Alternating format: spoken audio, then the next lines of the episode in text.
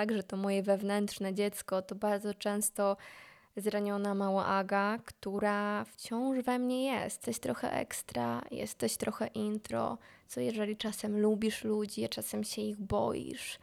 Co jeżeli czasami ich nienawidzisz? Dla mnie to też pokazuje, żeby nie brać tak na super poważnie wszystko, co o sobie myślimy, ale też nie bagatelizować, bo te myśli wynikają z czegoś. No bo jeżeli siebie nie kochasz, to po prostu szukasz plastrów dookoła, czasami krzywdząc innych, krzywdząc siebie.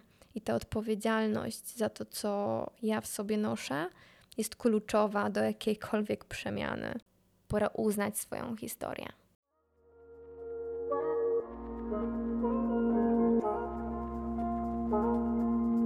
Cześć, z tej strony Agnieszka Dziekan, a to jest kolejny odcinek podcastu Studnia bez dna. Super, że jesteś, ale zanim zaczniemy, mam ogromną, ogromną, ogromną prośbę, żebyście ocenili mój podcast. Gwiazdka, komentarz, cokolwiek możecie, gdziekolwiek słuchajcie, będę na maksa wdzięczna. To pozwoli dotrzeć po prostu do kolejnych odbiorców, a po to to nagrywam, żeby mówić do Was. Zaczynamy.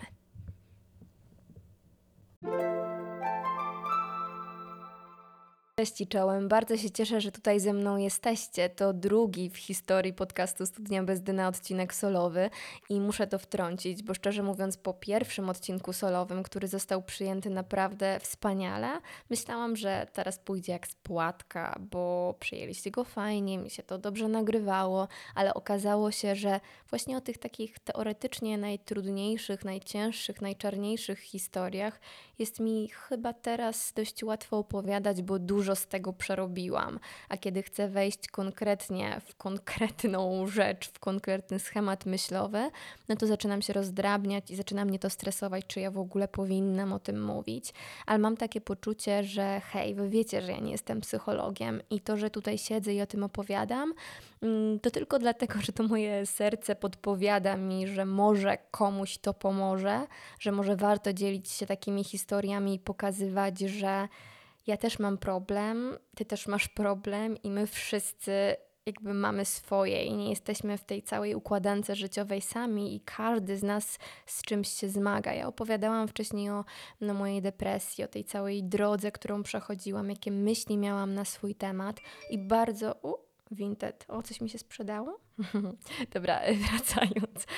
I bardzo ważna w tej całej układance jest terapia, w której jestem, bo tak naprawdę, jeżeli chodzi o nurty terapeutyczne, ja się trochę odbijałam od ścian. Byłam chwilę na behawioralnej, na poznawczo-behawioralnej, ale miałam wrażenie, że to jest dla mnie przynajmniej, dla mnie osobiście, taka łatka, taki paracetamol, paracetamol który w końcu przestał działać i znowu, kiedy życie przyniosło mi jakąś, mm, jakiś trudny moment, no to trzeba było zażyć kolejną tabletkę, bo wciąż bolało, bo wciąż ta przyczyna i to, to źródło we mnie było.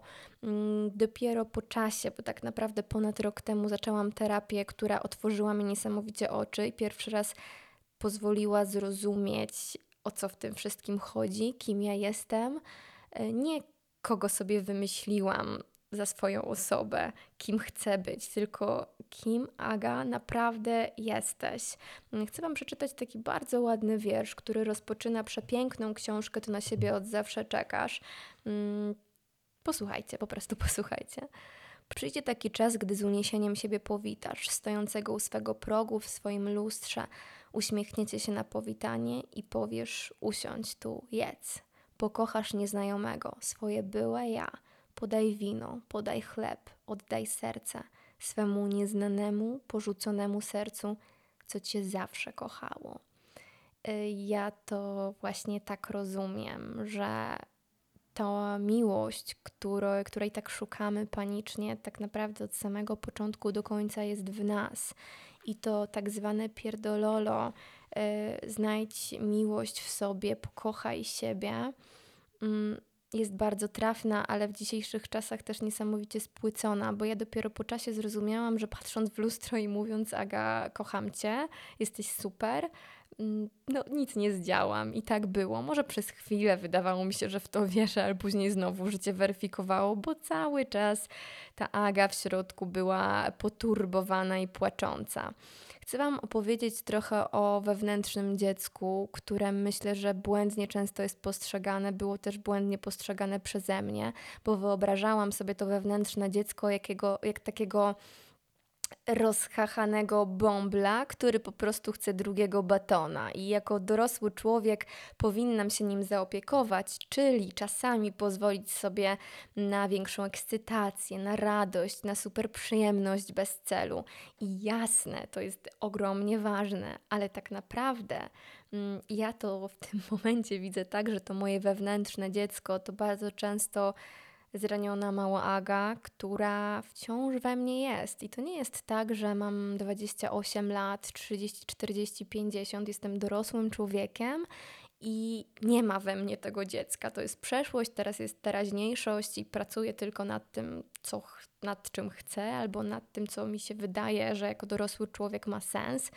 Tylko nie wyprzesz się swojej przeszłości i ten twój dzieciak poraniony, skrzywdzony, mm, taki wybrakowany często, wciąż jest i wciąż siedzi nad naszym krześle świadomości. O tym krześle świadomości będę mówić dość dużo, bo chcę Wam przybliżyć trochę koncepcję terapii, w której jestem i która właśnie bardzo mocno otworzyła oczy. Jest to terapia mm, stworzona przez Richarda Schwartza Internal Family Systems, oparta na człowieku stworzonym z części. To bardzo dużo tłumaczy, dlatego że zobaczcie, bardzo często próbujemy się jakoś szufladkować. Na przykład jestem introwertykiem, jestem, jestem ekstrawertykiem i na przykład jeżeli masz wpojone, że jesteś ekstrawertykiem i nagle okazuje się, że nie chce się wieczorami wychodzić mm, do ludzi i masz ochotę posiedzieć sam, no to budujesz w sobie jakieś poczucie wyrzutów sumienia, że przecież jak to, ja powinienem wychodzić, wszyscy mnie takiego znają. Poza tym, ej, ja taki jestem, ja zawsze lubiłem ludzi. Dlaczego teraz w ogóle nie chcę? Dlaczego teraz siedzę pod kocem i tu jest mi najlepiej? To znaczy, po części jest mi najlepiej. Jedna część mnie mówi, o, jak tobie jest tutaj dobrze, ale jest fajnie, a druga część mówi, serio? Leżysz, dlaczego nie wychodzisz? Masz tyle i tyle lat, powinieneś wyjść i się bawić, korzystać z życia.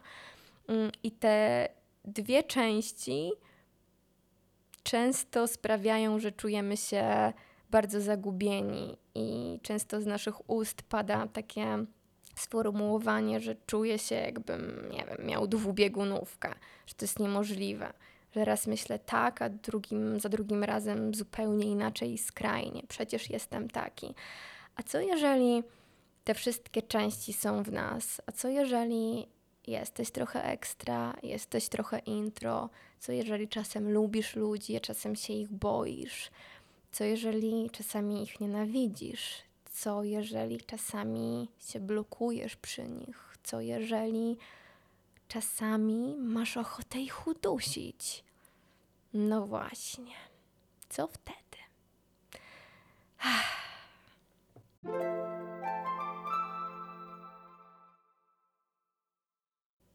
A więc tak, wyobraźcie sobie takie krzesło świadomości. Na tym krześle świadomości bardzo rzadko jesteśmy my.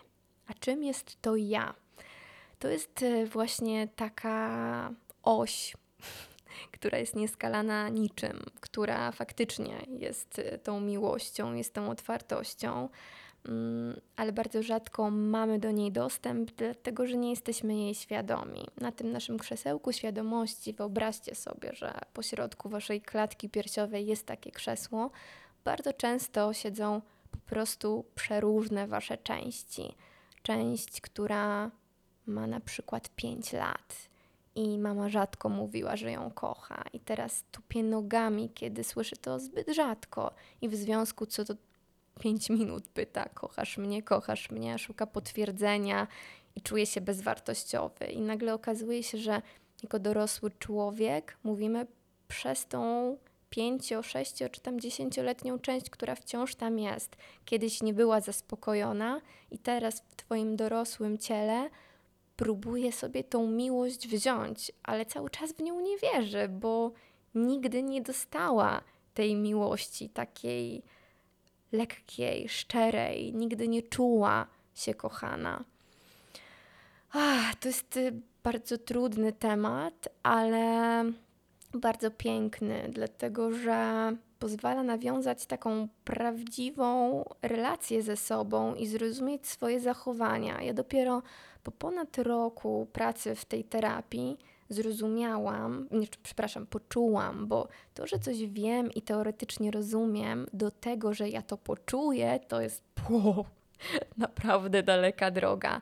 Ja dopiero teraz poczułam, że ja cały czas walczę ze swoimi częściami, że ja wmawiam sobie, że się akceptuję, a to nie jest prawda. Ja akceptuję części, które sobie wybrałam do akceptacji, które są dla mnie całkiem ok, ale jest gro części, no, których nie do końca akceptuję.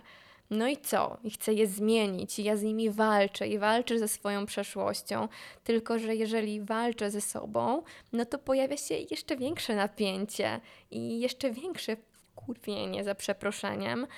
Yy, I ten, te części, które nie są akceptowane, krzyczą, cały czas szukają tego swojego rozwiązania i szukają tych swoich, mm, tych swoich wypełniaczy, bo są puste, są zranione, są często straumatyzowane.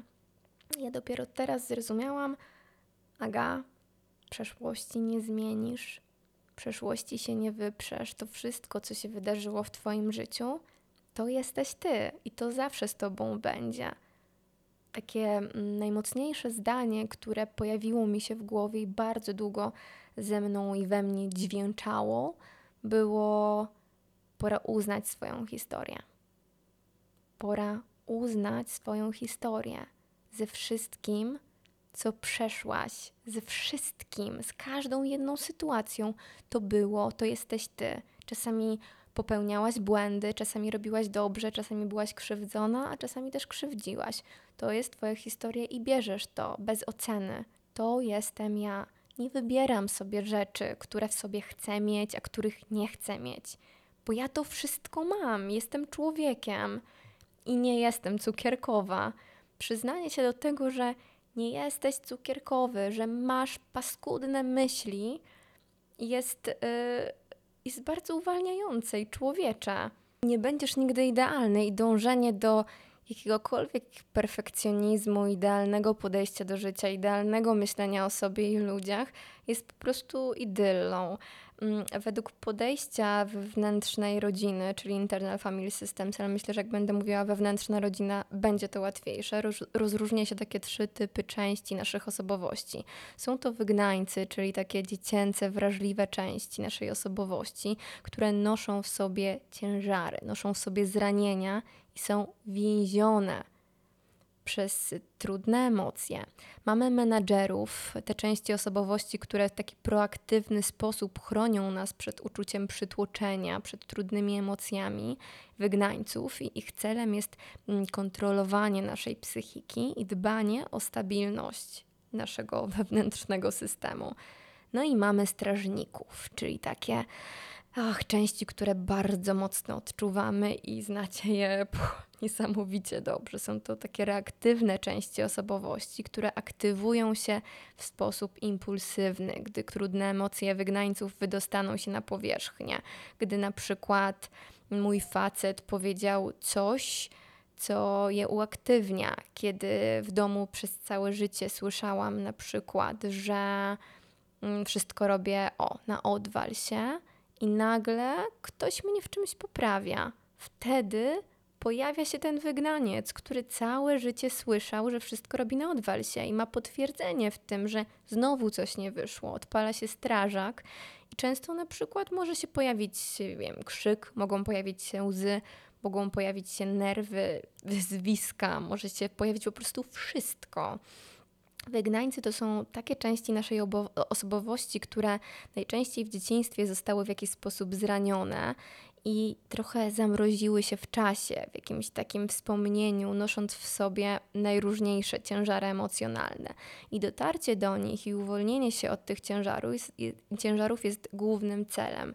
E, terapia ogólnie wygląda tak, że raczej pracuje na zamkniętych oczach mm, i dopiero poprzez oddech wsłuchuje się w to, co się dzieje w moim ciele. I na przykład opowiadając jakąś historię, co się działo w, naj- w ostatnich dniach u mnie, mówię, że wkurzyło mnie to, to i to. No i przez to wkurzenie widzę strażnika, widzę tego strażaka, i potem zadając mu pytania, mm, co chroni, dlaczego tak reaguje, bardzo szybko w mojej głowie pojawiają się odpowiedzi. Na przykład takie, że chroni wygnańca, który bał się odkryć, który boi się, że wszyscy się dowiedzą, na przykład, że jest bezwartościowy albo że czegoś nie potrafi. No i okazuje się, że ta część ma na przykład 10 lat i widzę tą małą dziewczynkę, która patrzy na mnie wielkimi oczami i no, czuje się bezwartościowa. Taka możliwość odklejenia się od tego i zobaczenia w sobie tego pokazuje, że mm, no to jest bardziej skomplikowane, że to nie jest tak, że myślę o sobie w jakiś sposób i po prostu tak jest, tylko na to składa się po prostu cała Twoja historia. Wielu z nas ma takie części i zupełnie o tym nie wiemy. Jesteśmy wychowani tak, aby negować nasze słabości, trudne uczucia, nazywać się w jakiś sposób, nazywać się, nie wiem, głupimi, yy, nazywać się leniem, nazywać się, nie wiem, no, no sami wiecie, jak się nazywacie, jak się nazywasz. Hmm? Dla mnie to też pokazuje, żeby nie brać tak na super poważnie wszystko, co o sobie myślimy, ale też nie bagatelizować, bo te myśli wynikają z czegoś.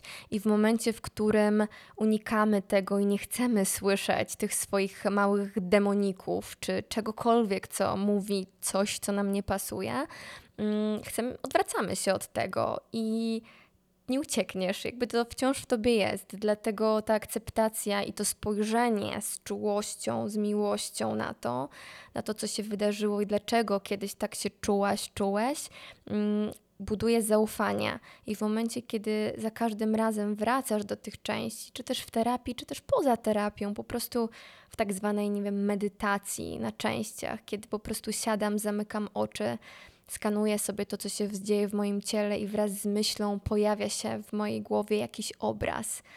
Na pewno też tak macie, kiedy macie takie, wiecie, po prostu screenshoty z waszego życia i nagle przypominasz sobie jakąś sytuację, jak miałaś, miałeś 10-15 lat, albo czasami mniej. Mm, bardzo często takie sytuacje chcą nam coś powiedzieć, chcą nam coś powiedzieć o tym, co wciąż w nas tkwi. Mm, jest to uwalniające też dlatego, że w momencie, w którym widzisz te części, zaczynasz na nich pracować, zaczynasz z nimi pracować, budujesz w sobie takie prawdziwe zaufanie, nie takie, wiecie, wyklepane i sto razy powtórzysz, to, mm, to uwierzysz, tylko tak, takie prawdziwe uznanie tego wszystkiego, co tam się wydarzyło. I nagle ta mała dziewczynka przestaje szukać potwierdzenia, że jest dobra w mamie, gdzie budujesz, próbujesz cały czas, nie wiem, naprawić relacje, w partnerze, gdzie próbujesz wypełnić tą pustkę emocjonalną właśnie tą miłością do niego i miłością od niego. Tylko ona wie, że ma ciebie. Cześć, jestem Aga, mam tyle i tyle lat i to ja odpowiadam za ciebie, dzieciaku. Odpowiadam za to, żeby dać ci tą miłość zobaczcie, jakie to jest, y, no, jakie to jest odklejenie się od tego wszystkiego, że ja nie jestem tą myślą, ja widzę tą część, ja wiem, że ona we mnie jest, że się składa na mnie, na moją osobę, ale jako dorosły człowiek, dorośle myślący, jakkolwiek to brzmi, jestem odpowiedzialna za to, żeby po prostu zająć się tymi częściami, przestać obwiniać rodziców, partnera, wszystkich dookoła o swoje nieszczęście, o to, że jestem smutna i po prostu cały czas spotykam ludzi, którzy źle mnie traktują, jestem w życiu ofiarą. Bardzo często myśląc o sobie w ten sposób, nie widzimy w ogóle dobrych rzeczy, które nas otaczają. Jesteśmy skupieni na cierpieniu swoich części, a te części po prostu chcą być przez ciebie zauważone. No, piękna to jest rzecz i dla mnie to ta dbałość o wewnętrzne dziecko to jest właśnie zadbanie o swoje deficyty, deficyty, których jest No masa, masa. Ja przez całe życie uważałam, że muszę zasłużyć na miłość, że jeżeli nie zrobię czegoś, czego ta druga osoba oczekuje, no to nie będę zasługiwała. Jeżeli ktoś będzie niezadowolony z mojego powodu, no to być może znowu stracę tę miłość i pojawiała się panika, strach. Boże, on mnie nie kocha, oni mnie nie kochają, jestem sama. I czy to mówię ja, czy to mówi moje dorosłe ciało? Nie. To mówią moje dziecięce części, które kiedyś były wybrakowane i wciąż tam są. Z czasem dojrzewam do tego, żeby pojąć, że takie sytuacje, gdzie się zdenerwuję i gdzie moje części ja będę płakać, będą się przydarzały. Ale w momencie, w którym zaleje mnie ta emocja, chcę być świadoma tego, co się dzieje i dlaczego płaczę, która z moich części została poruszona i która z moich części chce być zaopiekowana przeze mnie. Książka Richarda Schwartza to na siebie od zawsze czekasz. Jest na pewno książką, która mocno może Wam przybliżyć koncepcję w ogóle miłości do siebie, a dopiero miłości do innych ludzi, bo to, e, jak niektórzy mówią, pierdololo typu dopóki nie pokochasz siebie, nie pokochasz nikogo innego, jest po prostu prawdą. No bo jeżeli siebie nie kochasz, to po prostu szukasz plastrów dookoła, czasami krzywdząc innych, krzywdząc siebie. I ta odpowiedzialność za to, co ja w sobie noszę, jest kluczowa do jakiejkolwiek przemiany. Mm, jeżeli chodzi o tą książkę, wrócę do tematu, to na siebie od zawsze czekasz. Myślę, że naprawdę jest warta przeczytania, bo pokazuje też, jak jakieś uwarunkowania kulturowe wpoiły nam, że, że w końcu znajdziemy ten nasz, wiecie, skarb zakotwiczony w sercu czyjej, jakiejś osoby. Jak już znajdziemy tą wyjątkową, jedną, jedną osobę, to nasze życie się odmieni. Przyjdzie taki człowiek, który odmieni nasze życie.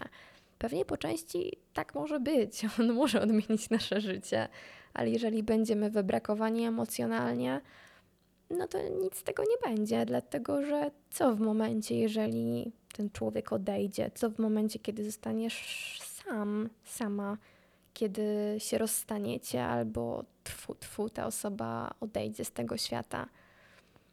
Najważniejsze jest chyba właśnie super ważne jest to, żeby dać sobie tę miłość. I ta droga strasznie boli. Są górki, są dołki, ale słuchajcie, tak wygląda życie i takie rzeczy będą się działy. Czasami jesteśmy odpowiedzialni za to, co się dzieje w naszym życiu, i wtedy kierujemy się do wewnątrz i patrzymy, co się z nami dzieje, a czasem po prostu ktoś wyleje na nas szambo. I jedyne, co możemy zrobić, to mieć taką umiejętność zaop zaopiekowania się sobą i tego, co się w nas zadziewa. Chcę Wam powiedzieć, że warto się zastanowić też nad tym, co ja o sobie myślę, jakie najgorsze rzeczy sobie powtarzam i na przykład zapisać je na kartce i złapać tą jedną rzecz, zacząć na niej pracować i zastanowić się, czy jakiekolwiek obrazy w naszej głowie pojawiają się wraz z tym hasłem. Czy nagle pojawia ci się jakiś screenshot z dzieciństwa, kiedy mama, ojciec, kolega, koleżanka z podwórka rzucili coś w Twoją stronę. I jak zamkniesz oczy, to może zobaczysz tą część i może będzie to będzie i może to będzie ten moment, żeby uznać historię tej części, powiedzieć: Hej, jestem, mam na imię Aga, mam 28 lat i jestem tu po to, żeby się Tobą zaopiekować będą działy się różne rzeczy, ale nie, szukajmy, nie szukamy nigdzie indziej. Wszystko mamy tu. No, bo to na siebie od zawsze czeka.